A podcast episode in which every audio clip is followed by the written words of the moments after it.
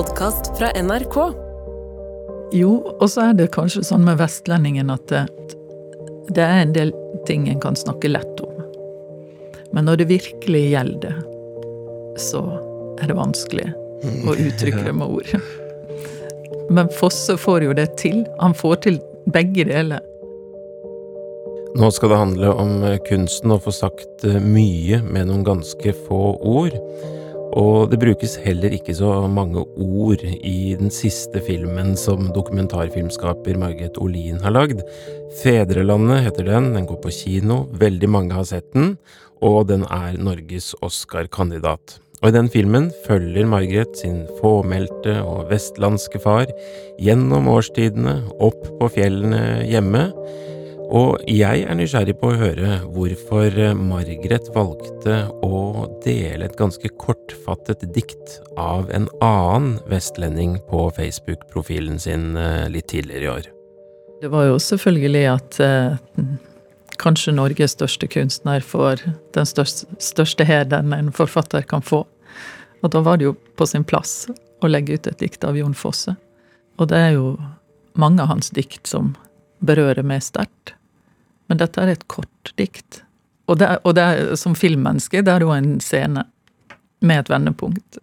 Så i løpet av et veldig kort dikt så er det dramaturgisk, eh, oppbygningsmessig ganske så fullendt, høres det ut som? Mm, det er det det er. Det er jo det som er Fosse, ikke det det?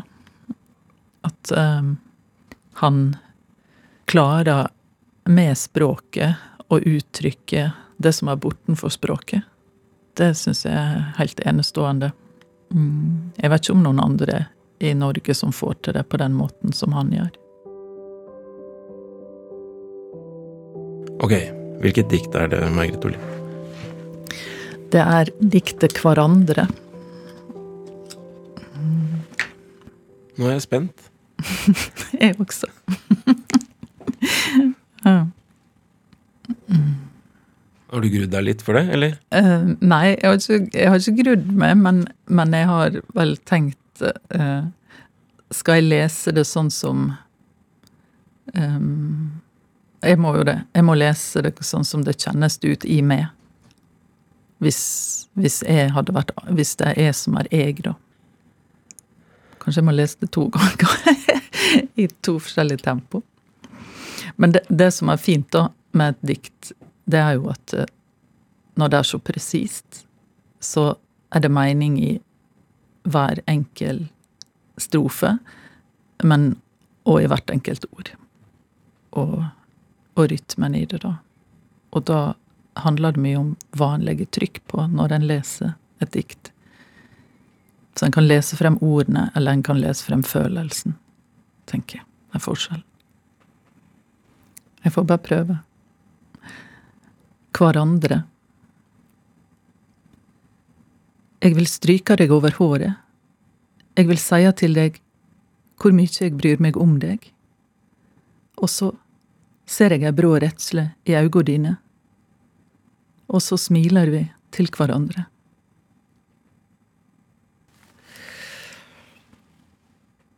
Hverandre. Jeg vil stryke deg over håret. Eg vil seia til deg hvor mykje eg bryr meg om deg. Og så ser eg ei brå redsle i auga dine, og så smiler vi til hverandre.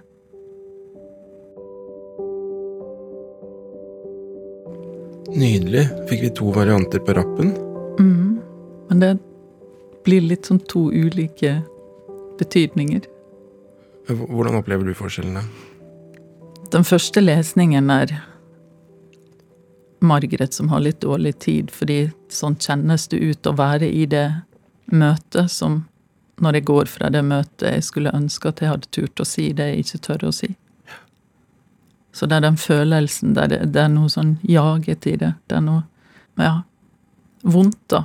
Um, den andre lesningen er mer å ta inn det andre mennesket. Og forlate sin egen følelse og se den du har foran deg, Hvorfor vil du stryke akkurat dette mennesket over dette håret? Ikke sant?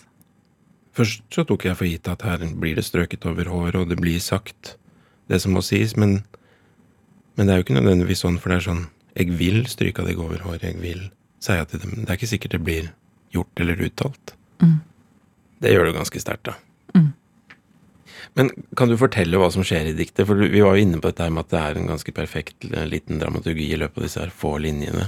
Mm. Kan du fortelle hva, hva, du opplever at skjer her? Mm. Altså, jeg vil stryke det over håret. Det er helt konkret, men det er også ei setning som rommer det å ønske å nærme seg et annet menneske.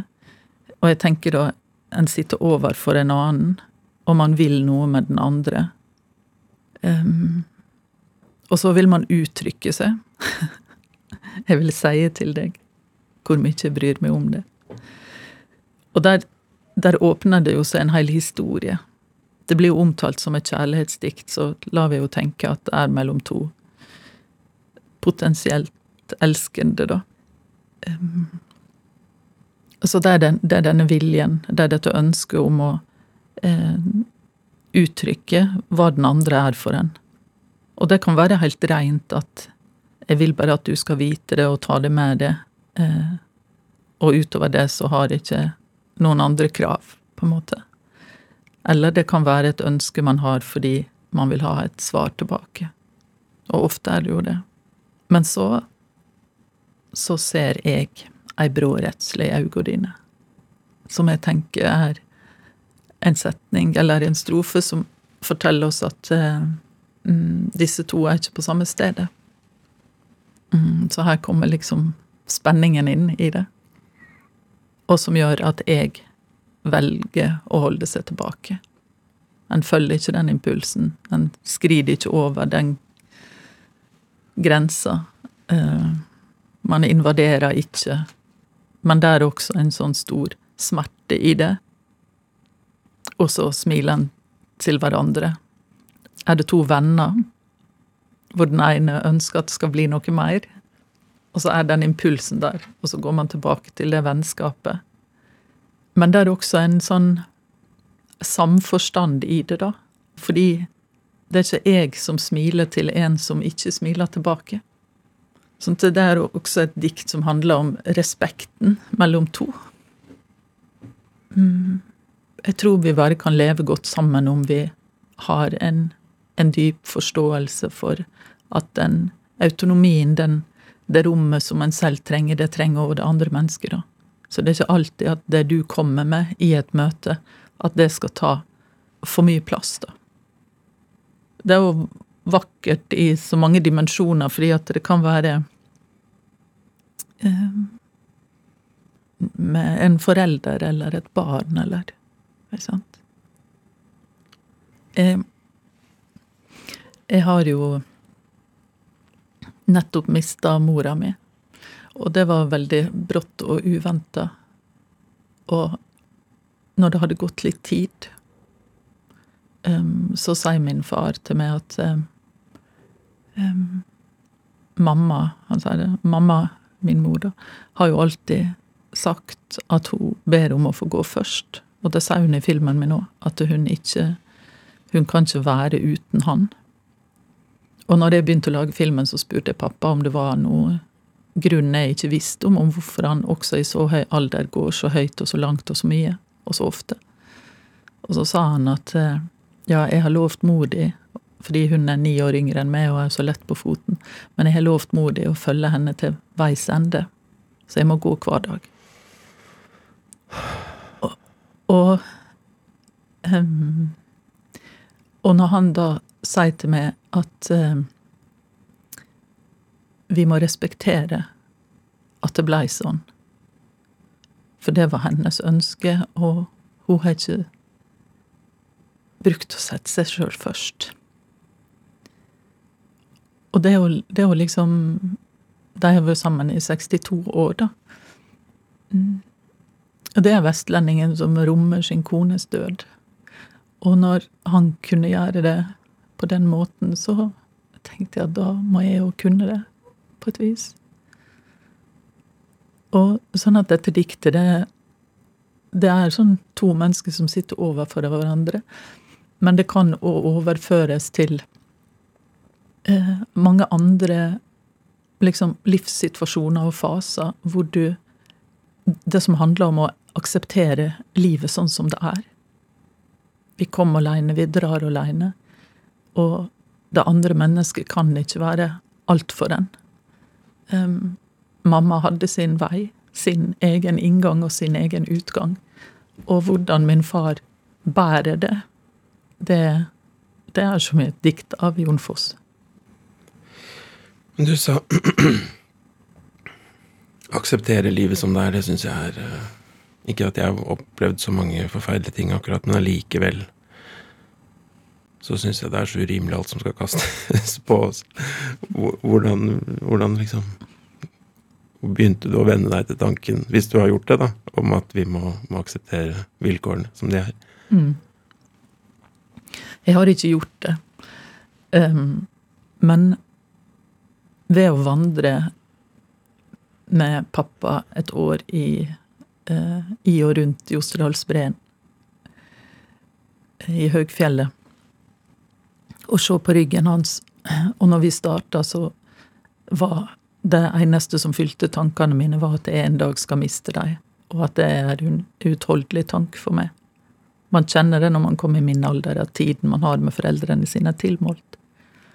Så det var liksom frykten som som levde så sterkt i meg, på en måte, da.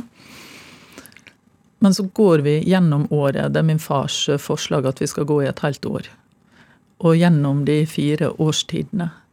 Og livet blir til, og livet utfolder seg. Fylden. Og så kommer høsten som voksenlivet med sine brå skift og overganger og alt som blir kasta på oss som vi ikke er forberedt på.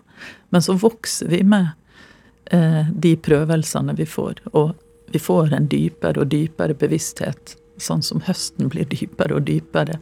Og så kommer vinteren, som er alderdommen med sin stillhet og ro. Og alt fryser, og det er som døden. Men så kommer det en ny vår. Så gjennom den vandringa så har det gått fra frykt til aksept til hvor små vi er i den større sammenhengen, i, det, i møte med det mektige som er, er, naturen, og det jeg har forsøkt å fange i filmen. Men da, når den nye våren kommer, så blir det òg en takknemlighet for hele løpet, hele syklusen, på en måte. Og det Så fra frykt til aksept til takknemlighet. Um, og moren din dør da ganske kort tid etter at den er ferdig. Rakk hun å se den? Mm. Ja, jeg viser alltid, uansett om det er familie som jeg lager film om eller ikke, filmen til de som medvirker i klippen før den blir låst. Og det fikk også mine foreldre se filmen og komme med innspill om de hadde det. Og så hadde vi en forpremiere i Stryn for de som hadde hjulpet oss i og rundt Oldedalen. Og det er jo seinere samme natta at uh, min mor får en hjerneblødning. Eh, så det var enorme kontraster. Men jeg veit hva hun syns om filmen, og hvor glad hun var for den, og hvor berørt hun var av den. Og hvor stolt hun var av min far. Og så fikk du en, hvis jeg forstått det riktig, en siste reise med moren din over fjellene, var det sånn? Mm. Gjorde det. Og det var jo veldig um, Jeg satt der i det ambulansehelikopteret og holdt meg fast i, i setet under meg og tenkte at dette skjer ikke. Men det gjorde det. Og bare noen timer før så hadde vi sittet der i dalen, jeg og mamma, og snakka om at eh, i kveld skal vi gi den kjærligheten som de har hatt til heimeplassene sine. Eh, og kjærligheten mellom de og det de har fått hjemmefra. Vi skal gi det tilbake til naturen. Og så flyr vi over de samme fjellene. Og så går det fra natt til dag. og sola står opp og stråler inn eh, vinduene i flyet. Og da skjønte jeg at eh, det er nå hun drar.